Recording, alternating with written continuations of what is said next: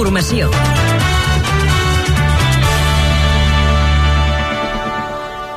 Bona tarda, a les 6. Equip Viari Catalunya Informació, com tenim el trànsit a aquesta hora? Bé, doncs, dels problemes que hi ha, destaquem els trams d'aturades que es mantenen a la P7, sobretot a la bossa d'aturades que afecta el tram des de Gelida fins a Subirat, sentit cap al sud, sentit Tarragona, aquí hi ha hagut un accident, i d'altra banda, les bosses de retenció que hi ha a la C55 de Monistrol de Montserrat a Castellvell i el Vilar i de Sant Vicenç de Castellet a Castellgalí, a banda de la ronda de dalt del tot aturada, això a Barcelona, de Diagonal a Horta, sentit Besòs.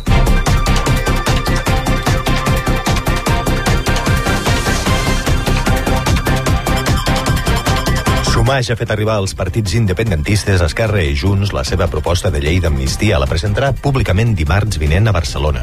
És una proposta que planteja despenalitzar tots els actes de naturalesa política vinculats al procés independentista des del 2013 fins l'entrada en vigor de la llei, segons avançat el periòdico.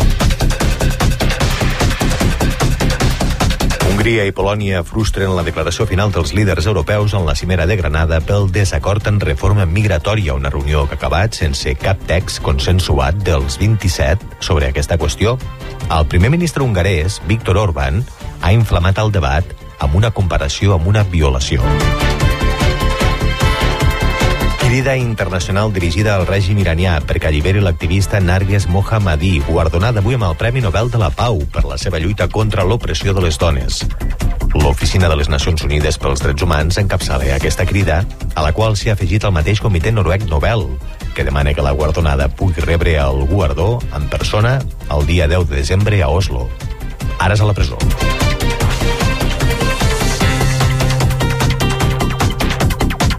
Roca Sanitaris acorde amb els sindicats la sortida de 100 168 treballadors dels centres de producció de Gavà i Viladecans, un acord confirmat a Catalunya Informació per fons sindicals, que preveu prejubilacions voluntàries a partir dels 53 anys i garanteix la continuïtat de la producció a les plantes. L'Institut Català d'Oncologia compta amb un nou aparell de radioteràpia d'última generació que permet a la intel·ligència artificial fer molt més precís el tractament i dallar menys el teixit sa quan es radia el tumor. És el segon aparell d'aquest tipus que hi ha a tot l'estat espanyol i equipara Catalunya a Europa i als Estats Units en radioteràpia oncològica. I a Manresa comença a sonar la Fira Mediterrània que presenta la cultura d'arrel del país amb propostes tan innovadores com correfocs amb làsers o cançons occitanes amb ritme de rock. Catalunya Informació. Esports. KTM decideix que Pol Espargaró deixi de competir amb ells la pròxima temporada en MotoGP. D'altra banda, Marc Marquet correrà amb l'equip Gresini al costat del seu germà Àlex. Ho ha confirmat avui el màxim responsable tècnic de Ducati, Gigi Dalinya. Porto ha entrat a la convocatòria del Girona per jugar demà al camp del Cádiz. A les dues són baixa Bernardo Sigankov, Borja i Solís. I el seleccionador espanyol masculí Luis de la Fuente ha convocat els catalans Valde, Lamin Yamal i David Raya i també els blaugranes Gavi i Ferran per jugar els partits de classificació per a l'Eurocopa contra Escòcia i Noruega.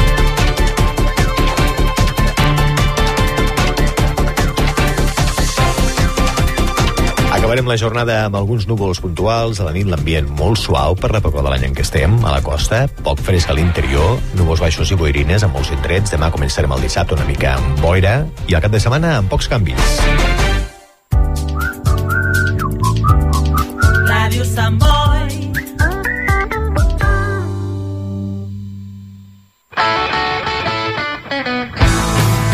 Bor, Tubí, Bar. Viernes de 9 a 10 de la noche tienes una cita con el blues y el rock and roll de la mano del Nervus. El mejor blues y rock and roll en Radio Samboy. Hi, this is George Thorogood, and you're listening to Born to be Bad with Nervous.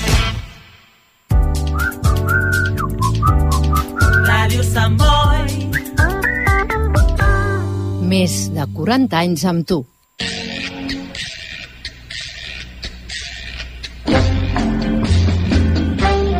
Gerada. El cinema que coneixes i el que no podries imaginar.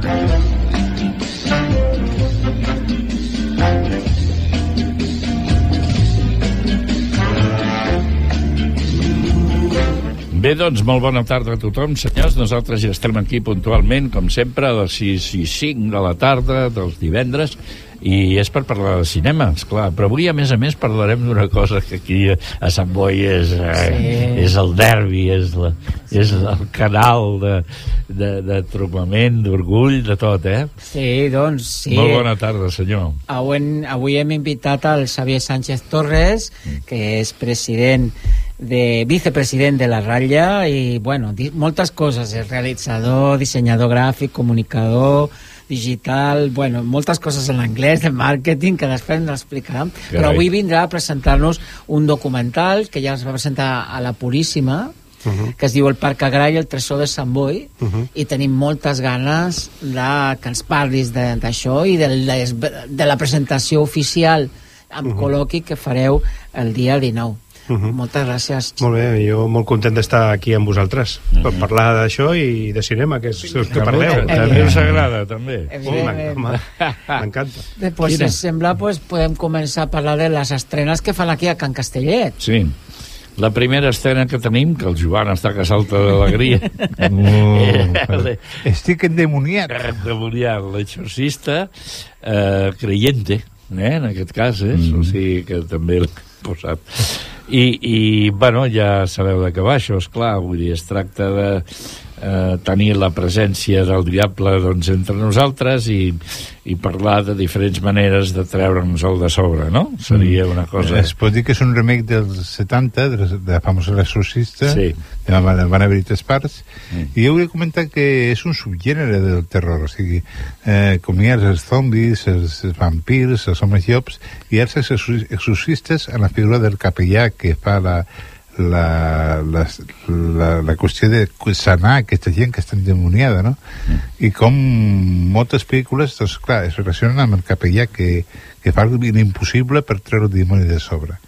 Jo volia parlar de dues pel·lícules que he vist últimament. Una és L'exorcisme de Déu, que tracta d'un capellà que va a, a veure una noia que està endemoniada, però el dimoni se li fica dins i li fa un fill a l'endemoniada.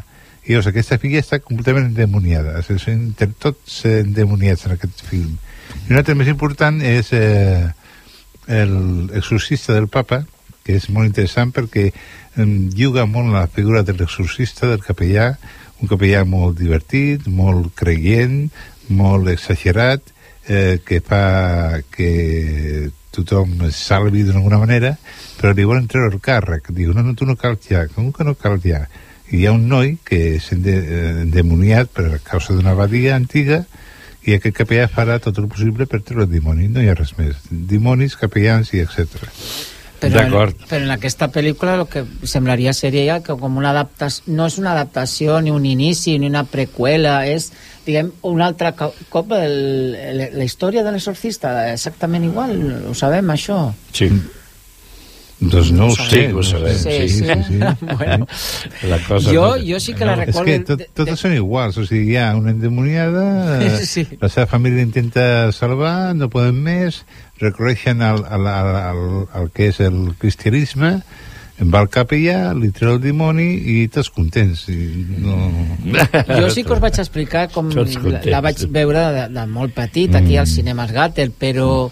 Ui. Però sí, el Gatter, Això que era millors paraules. cinemes de... No, Home, Xavier... Els galeries. Sant Tres pel·lícules seguides. Tres mare. pel·lícules. Mare Què època Què durada. època aquella. i el- l'oloreta que feia i tot. No. Mm. Bueno, pues, doncs, eh, la vaig veure en aquella època, però, mm, a veure, sí que va haver un debat bastant important en aquell moment sobre aquest terme el de, de l'exorcisme. Possiblement els més joves no havien escoltat mai que això existia, però després hem vist per la literatura, perquè hem crescut i hem estudiat, de que, bueno, realment és una cosa que estava ahí, però que com una mica oculta, no?, per la part de l'Església. És que- Tu creus que existeix ara, sí, això? Sí, és que l'església, eh, el, el jefe exorcista que fa Sí, sí, exorcisme. sí que existeix, sí que existeix. Existeix, Sí, sí, certament. sí, totalment. I, I hi ha posicions di- diabòliques que intenten esbrinar si és psicològic, si és fisiològic, i finalment intenten esbrinar si és un exorcisme.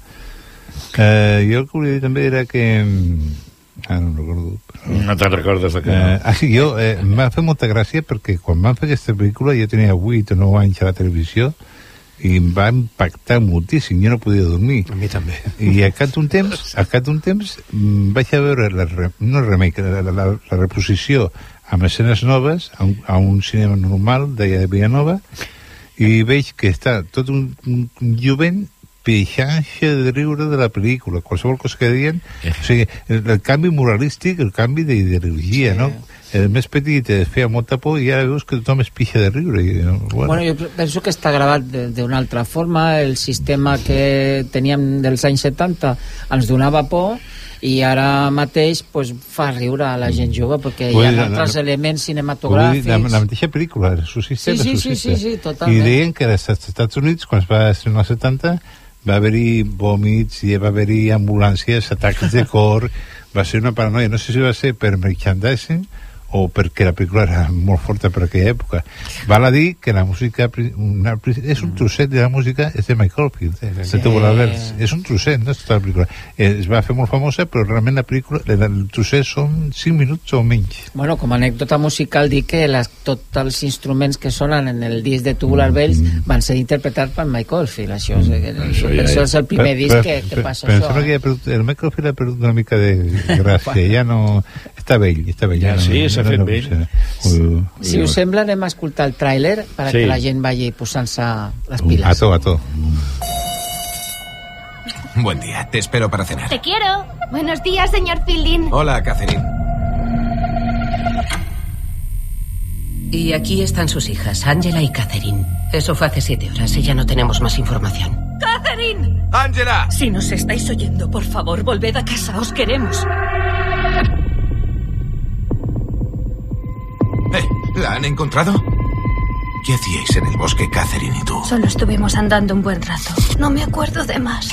Angela, diré a tu padre cuánto tiempo has estado fuera. ¿Unas horas? Mi amor, han sido tres días.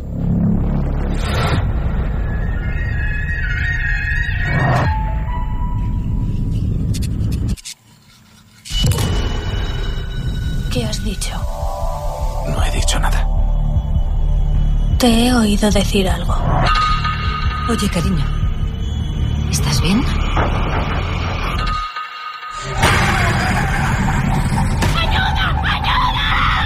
De donde hayan venido nuestras hijas han traído algo con ellas. El cuerpo y la sangre de Cristo.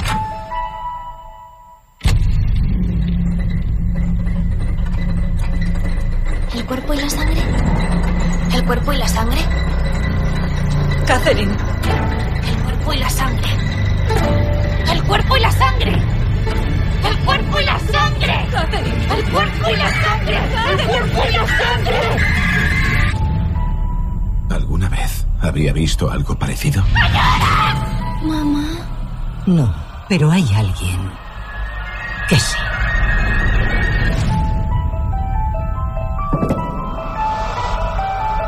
¿Tiene experiencia con las posesiones? Más de la que me gustaría. Puede ayudarnos a recuperar a nuestras hijas. El exorcismo es un ritual. Cada cultura, cada religión utiliza métodos distintos. Vamos a necesitarlos todos. No tengas miedo. Ya nos conocemos. Madre.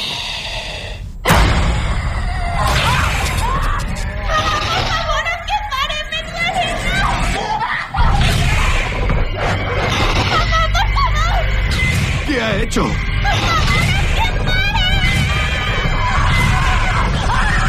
Plic, ploc, plic, ploc, plic.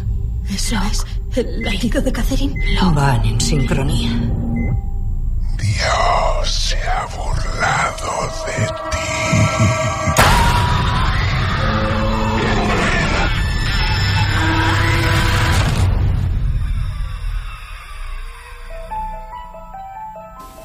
Bueno.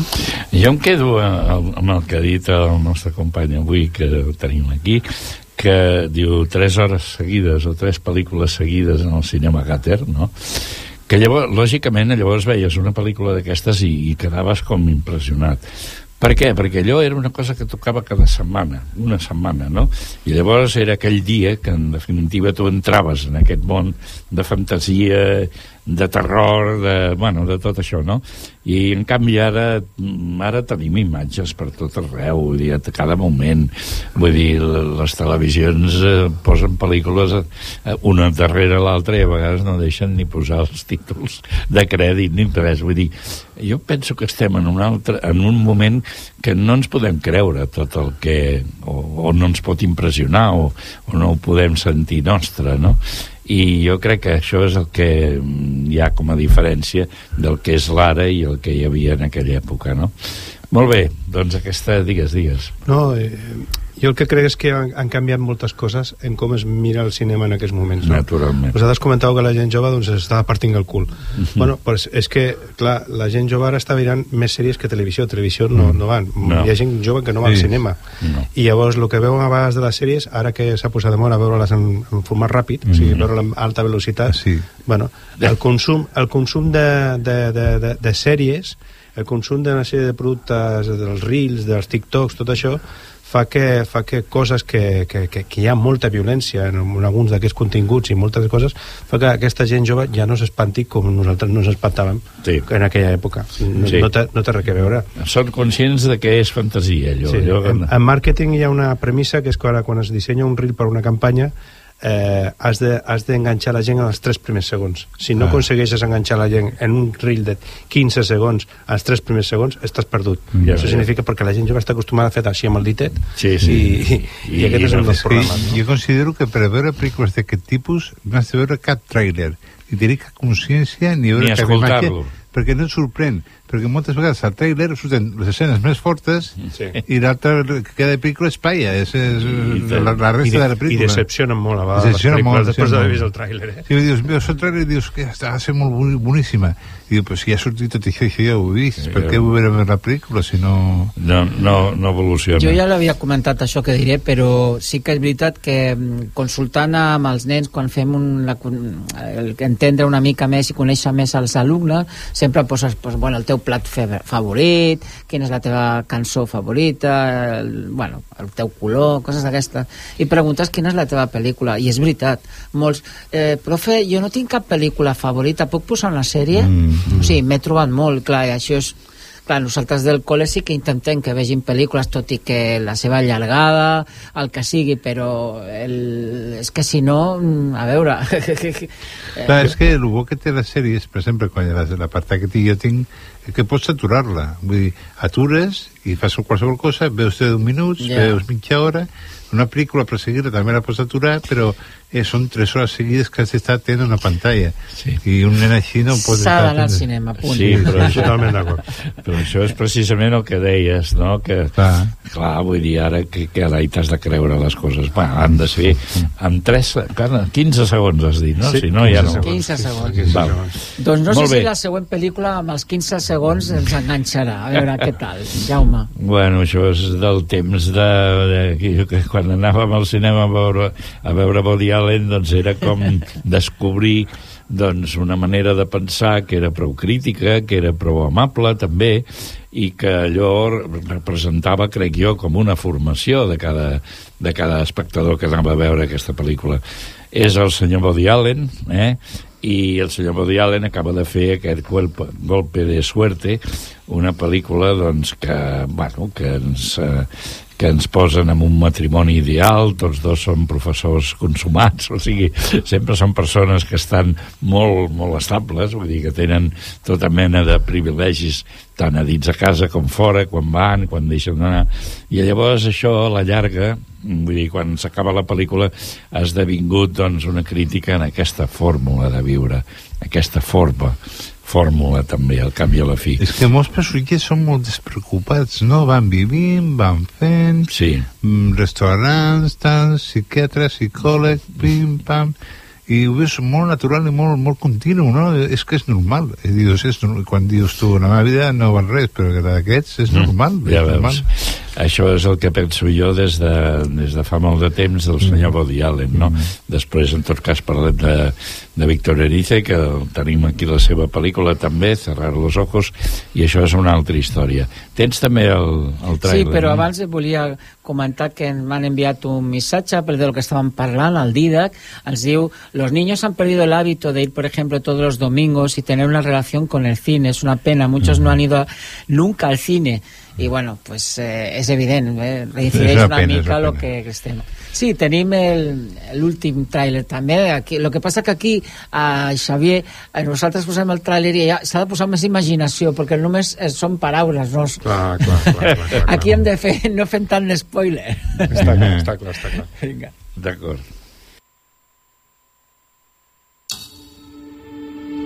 De mi primer matrimonio aprendí que la felicidad en el matrimonio no es un trabajo. No debería.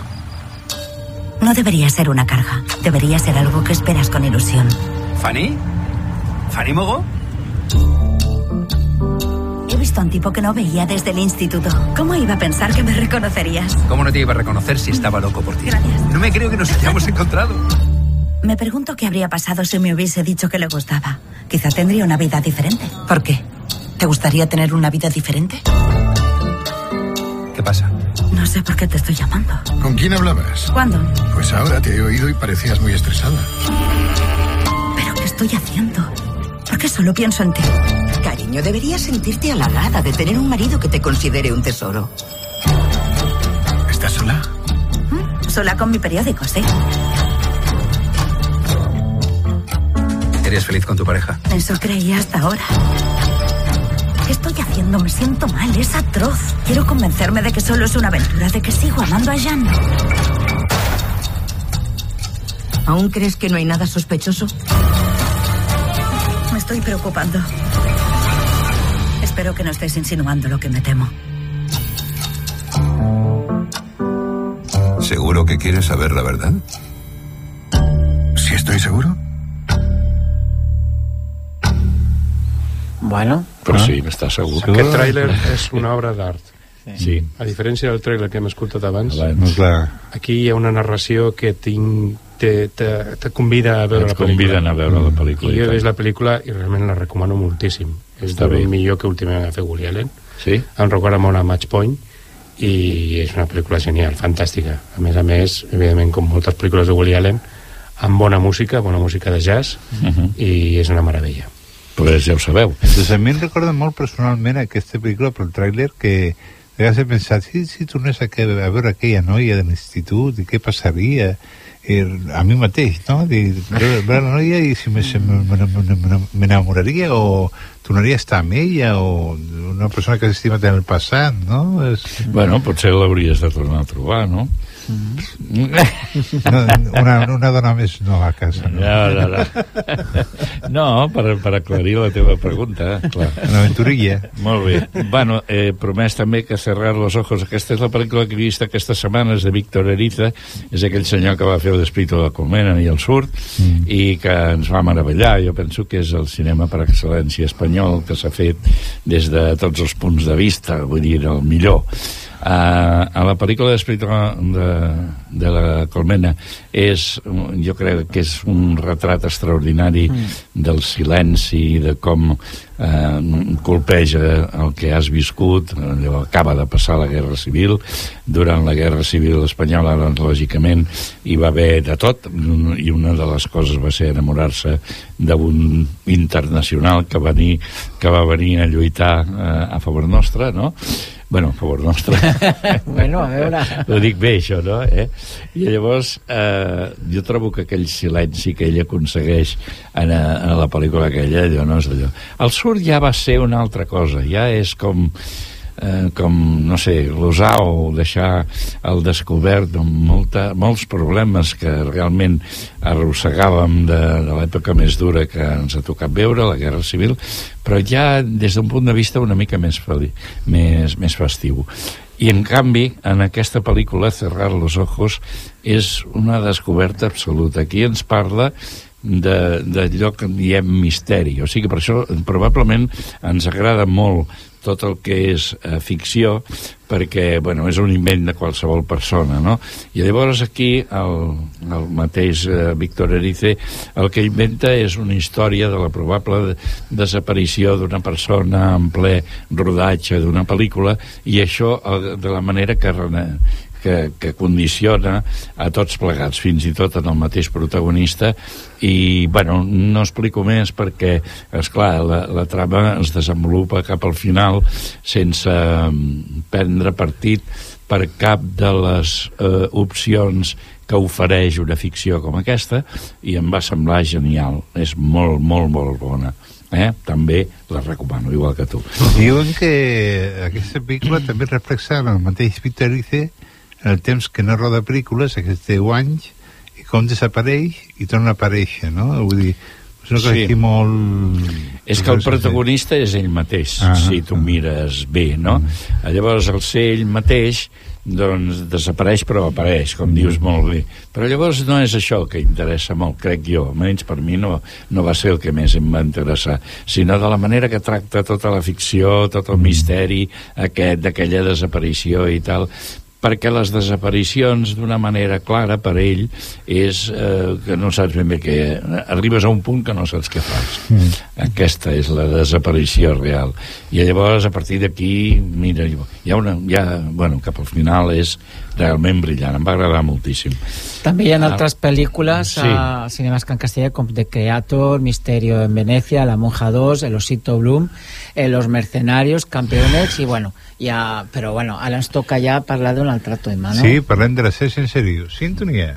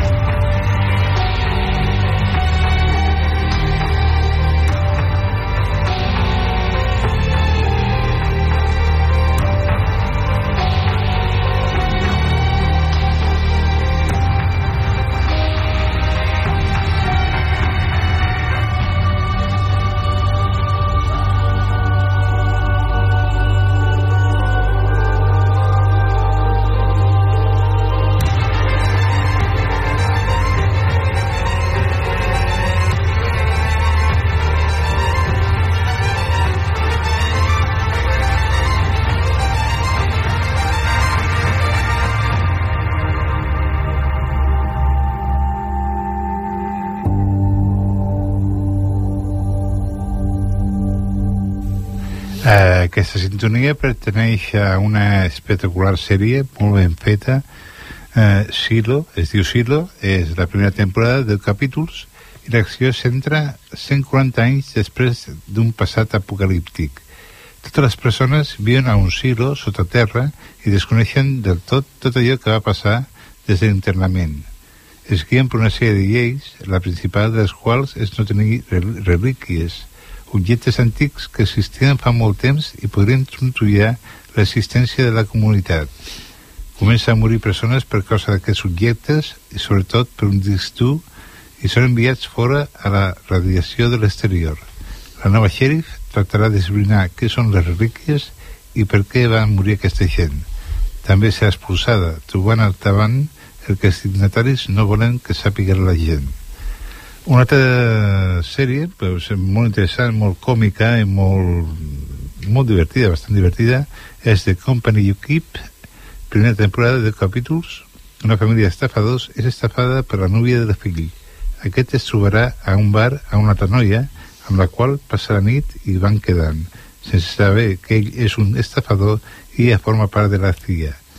Tenen en comú una enemiga, una poderosa traficant de drogues i armes ella la vol atrapar i ell ha de treballar per, per la traficant a causa de l'estafa de la seva antiga núvia. La família continua fent estafes per tal de tornar el diner robat, però arribarà un moment que ell i la noia de la tia descobriran qui són realment.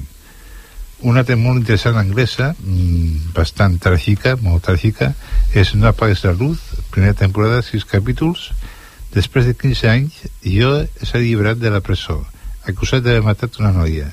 El problema és que pateix amnèsia selectiva i no recorda si la va matar i on va deixar el cos. A l'arribar al poble, tot és un enrenou i la mare de la noia, que sempre té la llum del rebedor encesa perquè la filla sàpigui tornar, no para d'acusar-lo i demanar-li explicacions. També una companya de classe, ara periodista, vol descobrir la veritat. Sortirà a la llum tots els secrets del poble. Ningú és lliure i la veritat serà totalment diferent del que tothom s'espera.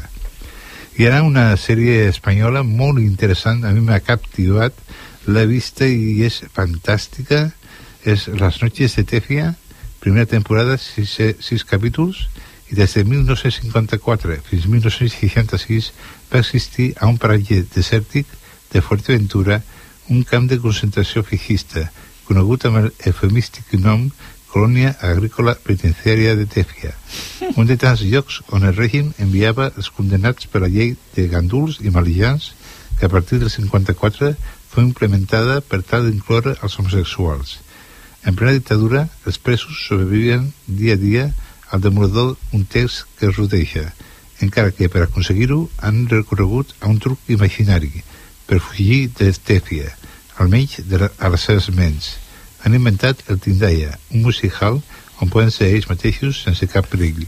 Les imatges del centre són totes en blanc i negre per tal de contrastar amb el musical inventat que cada nit els explica un d'ells com si fos real. També hi ha testimoni d'un dels presos a l'actualitat i per aquesta causa per l'empresa, la família i els amics.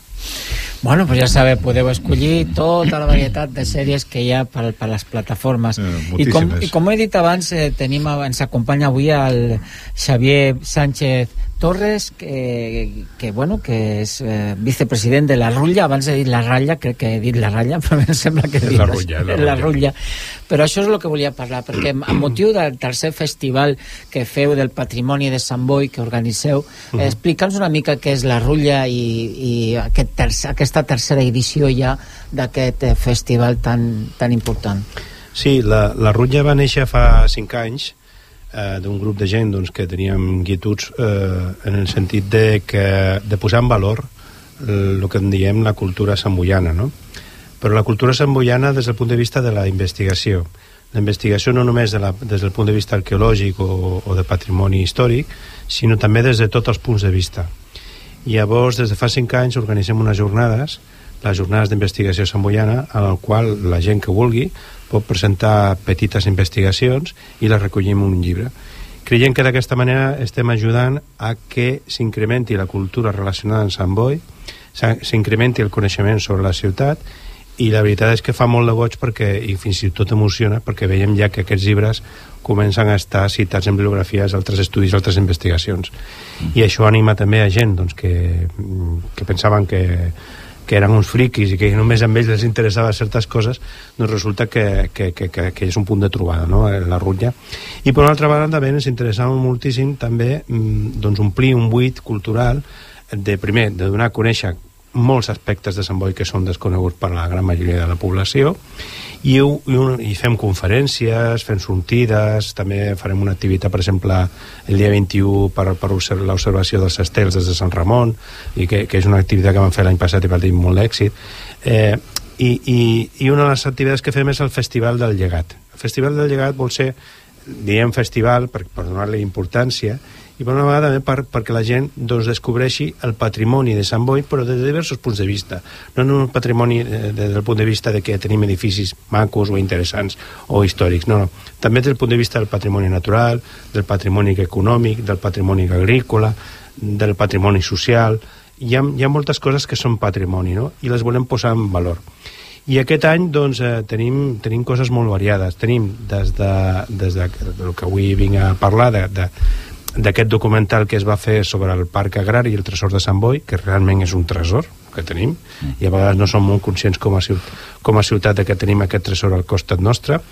Eh, i, I a més a més volíem fer un homenatge a en Lluís Parés, que és el pagès, que és un dels pagesos que va fundar Unió de Pagesos aquí en l'àmbit del Baix Llobregat als anys 80-90 i a més a més va ser una de les persones que també va lluitar per crear aquest parc agrari que coneixem avui en dia i a més a més l'any passat doncs, va rebre la màxima condecoració que rep les persones del govern de la Generalitat que és la Creu de Sant Jordi.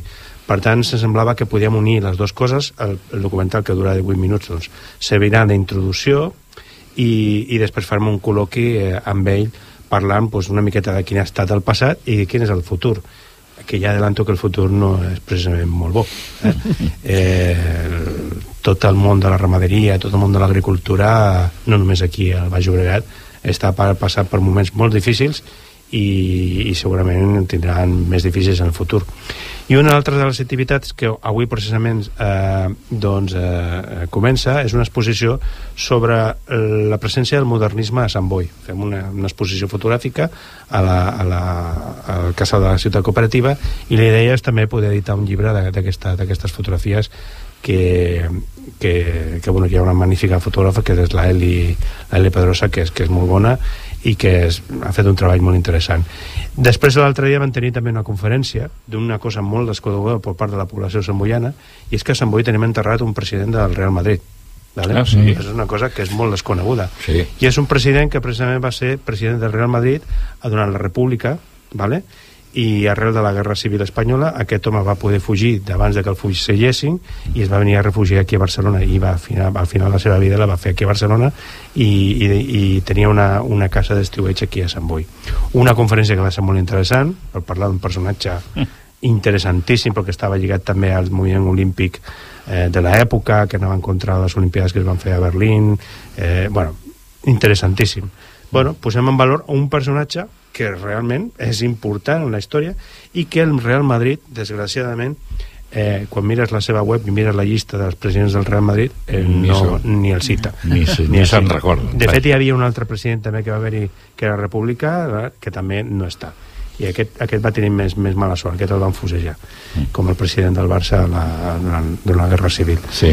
eh, i per I el últim, dia 11 Sí, i el dia 11 tenim un crac que és el Pere Koniec que, que, bueno, que ell ja està dient a les xarxes socials que després d'aquesta conferència creu que tindrà que canviar de poble per, per, per viure perquè, perquè ell parlarà del, que a més ja sabeu que fa un to humorístic és magnífic narrador és, Totalment. és un magnífic conferenciant doncs en parlarà de, de, de, de lo que es troba a Sant Boi en el món de la televisió en el món de la televisió actual des de lo més patxanguero a lo més seriós i lo que també es veu a les xarxes socials no?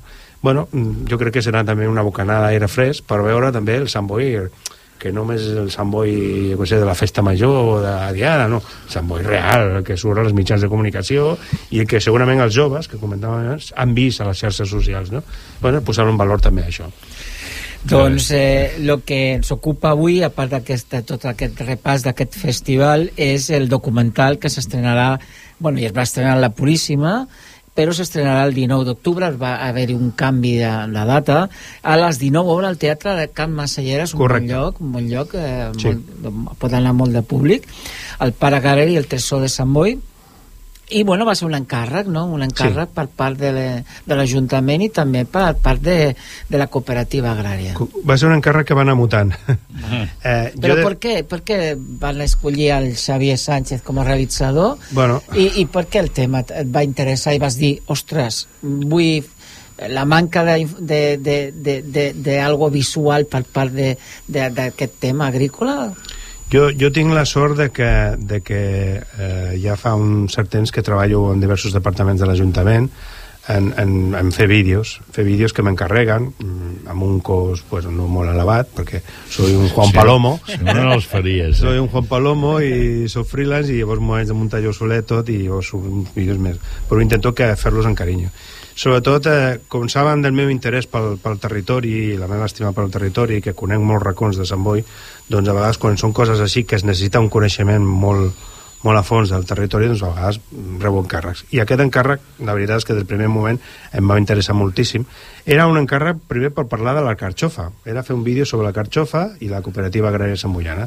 Però una vegada que presento el guió doncs, eh, des del Departament de Medi Ambient doncs, fan tota una sèrie de modificacions i al final pensem que potser és millor parlar del parc agrari ¿vale? I, i sobretot posar-lo en valor com un tresor de ciutat i evidentment surt la cooperativa agrària surt la carxofa, evidentment però surten també altres coses que molta gent és, desco és desconeguda no? Uh -huh. per exemple, que a Sant Boi tenim uns préssecs que són una meravella Som. no hi ha dubte això, això de, o que hi ha unes faves o que hi ha unes altres verdures i que també hi ha gent que, per exemple, està fent agricultura ecològica, també és molt interessant. Bueno, doncs tot això és posar-lo en valor. I, evidentment, també doncs, hi ha mm, diverses posicions de, i visions que, que recullen el, aquí de gent que, doncs, que manifesta diverses visions de quin és el futur, quin és el present del, del parc, Sí, parc feu un recorregut de diferents personatges, Sí. molt estimats també per, per Sant Boi, has Sí, sí. agafat persones molt arrelades, com el xef, com el pagès Arnau Vidal, com el president de la cooperativa agrària, Correcte. com eh, enginyers, eh, president del sindicat, vull dir, eh, heu agafat una sèrie de persones molt arrelades, però també amb una informació molt clara i reivindicativa de la Clar. situació. La gràcia sempre amb aquest tipus de documentals és que tu fas unes entrevistes que són molt llargues i Ja. la gràcia a vegades és el muntatge perquè quedi un discurs narratiu doncs, que, Mm. que, que, que la gent pugui entendre no? i que enganxi un, una resposta amb l'altra no? A mi m'agradaria parlar una mica de la part cinematogràfica, per dir-ho Sí. d'alguna forma, i sí que ens acompanya eh, aquest, aquest moviment de càmera que a vegades acompanya alguns personatges, jo penso que també és molt creïble. Aquí, aquí ens has acompanyat a visitar eh, el Parc Agrari amb la mirada de, del segle XXI i jo penso que eh, pot arrelar bastant més a, a la gent jove la gent jove ha de conèixer de fet nosaltres ja hem decidit que aquest documental es posi al nostre centre eh, un crèdit de, de variable que fem sobre síntesis perdó, que fem sobre, sobre l'agricultura a Sant Boi perquè penso que ens va il·lust- il·lustrarà bastant bé el paisatge, les persones, així que felicitat perquè penso que si no havíeu pensat en aquesta tasca didàctica, hi és. Bueno, jo sempre en totes les coses que faig intento que es plasmi aquesta part didàctica. També em sembla molt important que els vídeos siguin cinematogràfics. Per mi és molt important això. He vist a vegades coses que sí, que hi ha molt efecte especial, que hi ha molta edició eh, en fi, com molta coloraina, molta cosa, però que des del punt de vista cinematogràfic mm, no tenen força. Llavors, per mi, en una cosa com el Parc Agrari, evidentment, la fotografia tenia que ser molt important, tenia que ser molt important els moviments de càmera, tenia que ser molt important en, en, en, emocionar també a l'espectador, i aquí que també eh, la música aquí fa un paper molt especial. i tant. I aquí la música pues, està de, és, és, és un encàrrec que jo vaig fer amb el Roger Sobirana, que és un amic de l'ànima, que, que tu també el coneixes, Sí. i, i que és un magnífic compositor, que també té una sensibilitat vers la natura i vers el cinema impressionant, i bueno, és compositor de bandes sonores de pel·lícules i de documentals i de, de ràdio i de moltes coses. Llavors té aquesta sensibilitat. I amb ell a més a més ens agrada anar a caminar. O sigui, som dos que anem caminant. A vegades jo vaig allà a Vilafranca a caminar entre, entre vinyes i a vegades ell ve cap aquí i ens anem pels nostres boscos que tenim aquí. Eh, i per tant aquesta con connexió que tinc amb ell també ajuda doncs, a, a emocionar en, en el documental. Per mi també és molt important eh, emocionar, captar l'atenció de l'espectador però a la vegada emocionar i sobretot d'aquesta manera amb una bona fotografia, una bona música una bona narració, una bona història eh, bueno, pues, posar en valor posar en valor el que tenim i aquí tenim pues realment tenim un tresor. Tenir aquesta zona agrícola aquí, en un territori com l'àrea metropolitana de Barcelona, tan densament poblat, eh, primer és un miracle. Sí. És un miracle.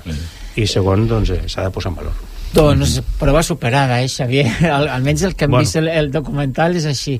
Si et sembla, anem a escoltar un, una miqueta un, Sí. un dels temes de Roger Sobirana. No és el tema autèntic, de, perquè és un tema encara que no, no està editat, però sí una de les cançons que poseu en la promoció Mhm. d'aquest documental del Parc Agrari al Tresor de Sant Boi, que es diu The Mask.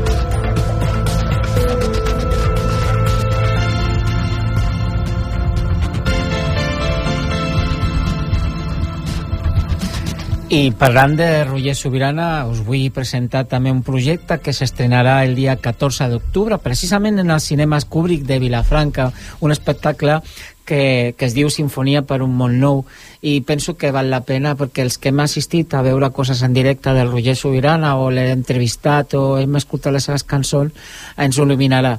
Juntament i dirigit amb el Jordi Llompart doncs eh, ens presentarà pues, aquest eh, documental que va rebre alguns premis com el millor documental etnogràfic i de societat de terres de, de Travel Festival. Eh, també ha estat presentat en el cinema Fenòmena de Barcelona el Festival de Cinema i Drets Humans de Catalunya. Bueno, eh, penso que és una oportunitat de veure aquest documental també eh, que es diu Sinfonia per un no, món nou i us deixo el tràiler que s'ha fet precisament per aquesta, aquesta oportunitat Estàs a punt per viure un viatge intens a través del nostre planeta? Descobreix una obra audiovisual d'art documental que ens mostra, a través d'imatges impressionants i una banda sonora commovedora, el món que hem construït. Sinfonia per un món nou, de Jordi Llompart i Roger Sobirana. Un film que pretén remoure consciències i que ens farà recapacitar sobre el nostre paper dins el món actual. Vine a una presentació única i especial amb projeccions, col·loqui i música en directe.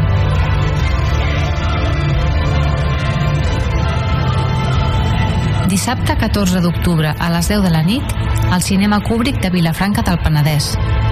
Organitzat per Cineclub Vilafranca.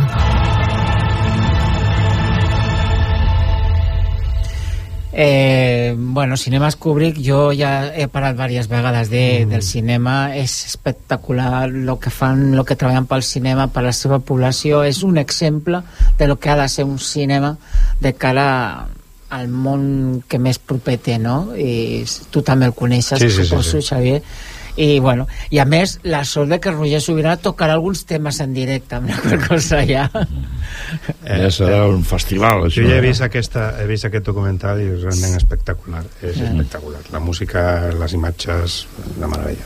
Mm. Doncs eh, estem parlant amb el Xavier Sánchez, que, que presentarà aquest documental, però no és el primer que fas, perquè també vas presentar ja fa un temps, els, bueno, l'any passat, em sembla, els misteris de Campelós. Palós, no, va, ser, va ser, crec que el 2021, crec que va ser... Del sí. 21. Sí, 2021, sí. Aquest és l'únic documental que jo he fet que no ha sigut un encàrrec. Vale? Això Mm. va ser un projecte personal, eh, va néixer durant la pandèmia i li tinc molt de carinyo i també jo sempre dic que en tots els vídeos i totes les coses que faig aprenc coses noves. I de veritat és que vaig aprendre molt fent-lo. I, i bueno, però va ser, ja dic, és l'únic que no tinc un encàrrec. I, i tinc moltes ganes de fer coses que no siguin encàrrecs professionals. De fet tinc un projecte també de, de fer un documental sobre el camí ral que és, és, un, és un tema que, que jo he estudiat personalment perquè també m'interessa molt l'arqueologia i la història i és eh, sobre una història sobre el, aquest camí ral que va ser molt important a l'edat mitja i que anava de Barcelona a Vilafranca del Penedès i passava per Sant Boi de Llobregat hi ha moltes històries al voltant d'aquest camí I travessava el que, riu, clar. i, sí, i, i, i, i és realment un, crec que hi ha, hi ha molt de material per poder fer un bon documental i no descarto també en el futur fer algun curtmetratge que també tinc, la, tinc ganes Ah. de fer-lo he, he col·laborat amb companys he fet el director de fotografia o amb, amb el mateix Roger ens van presentar amb un, amb un concurs d'un curtmetratge però tinc ganes de fer això no? perquè tothom que li agrada fer cinema al final vol fer cinema no? i, i, bueno, i, i després també estic molt, molt enfrascat perquè penso que aquí hi ha un abans i un després del món del cinema que és, eh, és aprofitar la tecnologia que ens permet ara el, els mòbils, sobretot els iPhones. Jo crec que hi ha ara hi ha molts realitzadors de cinema que ja estan treballant amb aquesta tecnologia, que és una tecnologia, podríem dir, econòmica, si ho comparem amb els altres equips de, de cinema, i, i jo he vist coses meravelloses, meravelloses, mm, algunes que han guanyat premis. De fet, aquest documental ja del Parc Agrari, una part important de les imatges s'han creat amb un iPhone. Vale? No ho sembla, No. no ho sembla, però aquesta és la gràcia, que és que precisament ara mateix els iPhones aporten una qualitat a la imatge i una versatilitat a fer coses que per la gent pensarà oh, això s'ha fet amb uns mitjans impressionants no, no, no, s'ha fet amb pocs mitjans i amb un iPhone Caram, tu. Tu volies dir alguna cosa, no? No, m'ha sorprès això. iPhone per què? Perquè és el tipus de... Bueno, és en aquests moments, hi ha altres camp mòbils que també està molt bé, però és el que en aquests moments eh, dona una qualitat cinematogràfica dels vídeos que es poden rodar, bueno, molt acceptable. Molt acceptable. Molt acceptable. D'acord, molt bé. La veritat és, Xavier, que quan parlaves abans de, del món de l'agricultura hi ha una dada que es repeteix diverses vegades, en, bueno, alguna vegada en el documental, que és el percentatge de terres que té Sant Boi dintre de lo que és el parc agrari, molt important. no? Correcte. Dona, de fet, eh, el, el que aporta més territori al parc agrari eh, és, és precisament Sant Boi. Sí. Sant Boi en aquests moments dintre és, per això diuen que tenim un tresor perquè ja només és el tresor del parc agrari. És que és tot el nostre entorn natural el riu i tota la part de la muntanya això és un luxe com a ciutadans i, i, i, i jo crec que hi ha molts ciutadans de Sant Boi que han descobert que tenen aquest luxe quan vam tenir la pandèmia perquè els de l'Hospitalet Pobrets on anaven a passejar quan no podien sortir del municipi els de Sant Boi podien anar a caminar pel riu podien Sí. anar a caminar pel parc agrari podien anar a, a, a, la zona, a la zona de muntanya i molta gent ha descobert que té un tresor al costat de casa seva això és un valor afegit això és un valor afegit i una qualitat de vida que tenim aquí que, que no és comparable amb altres ciutats de l'entorn del nostre entorn eh? I a més està molt assegurar. ben senyalitzat eh, o- Sobre. jo també recomano el mm, caminar que és una de les coses que faig normalment també i jo l'he redescobert tot i que els meus pares com a gent d'aquí del poble sí que, sí que hi coneixien i ho feien més que jo jo de petit no, no coneixia tant el parc agrari i però jo crec que últimament s'ha recuperat i penso que documentals com, com aquest ens apropa a entendre i també a intentar i evitar i millorar, no? i saber què és el que tenim. Així que, bueno, moltes gràcies, Xavier Sánchez. I l'única cosa que ja no té res a veure amb el documental, que se, se, la podrem veure el 19 d'octubre a les 19 hores al Teatre de Can Macelleres, amb un col·loqui amb el Lluís Parés, que va ser creu de Sant Jordi del 2022, per defensar l'agricultura i, i el territori, com has dit tu abans, però sí que m'agradaria saber qui, qui, cinematogràficament parlant, quins són els teus directors? Ma- O... Bona Sí. pregunta. Bona, bona. Jo, jo, jo sóc un fan i crec que he begut i he après molt veiem mm, pel·lícules de Kubrick Bueno. i de l'Akira Kurosawa. Jo penso que aquests... A mi l'Akira Kurosawa vaig començar a veure les seves pel·lícules com feia l'Emili a Madrid, en els cinemes Alphaville. Tenia la sort que estava al barri d'Argüelles fent l'Emili i al costat tenia els cinemes Alphaville allà mm. i, i, i vaig tenir la sort de poder veure moltes pel·lícules, bueno, aquella pel·lícula de Ra, perquè ja és mm. una meravella, i després Kubrick. Kubrick eh, ah, fa uns anys vam tenir la sort aquí a Barcelona de que va haver una exposició al Centre Sí. de Cultura Contemporània, crec que vaig anar tres vegades a veure l'exposició, Molt- molt bona. perquè era molt bona, era molt bona, molt bona, i, i, i bueno, són, són, són, són, són els directors que a mi particularment més m'han impactat.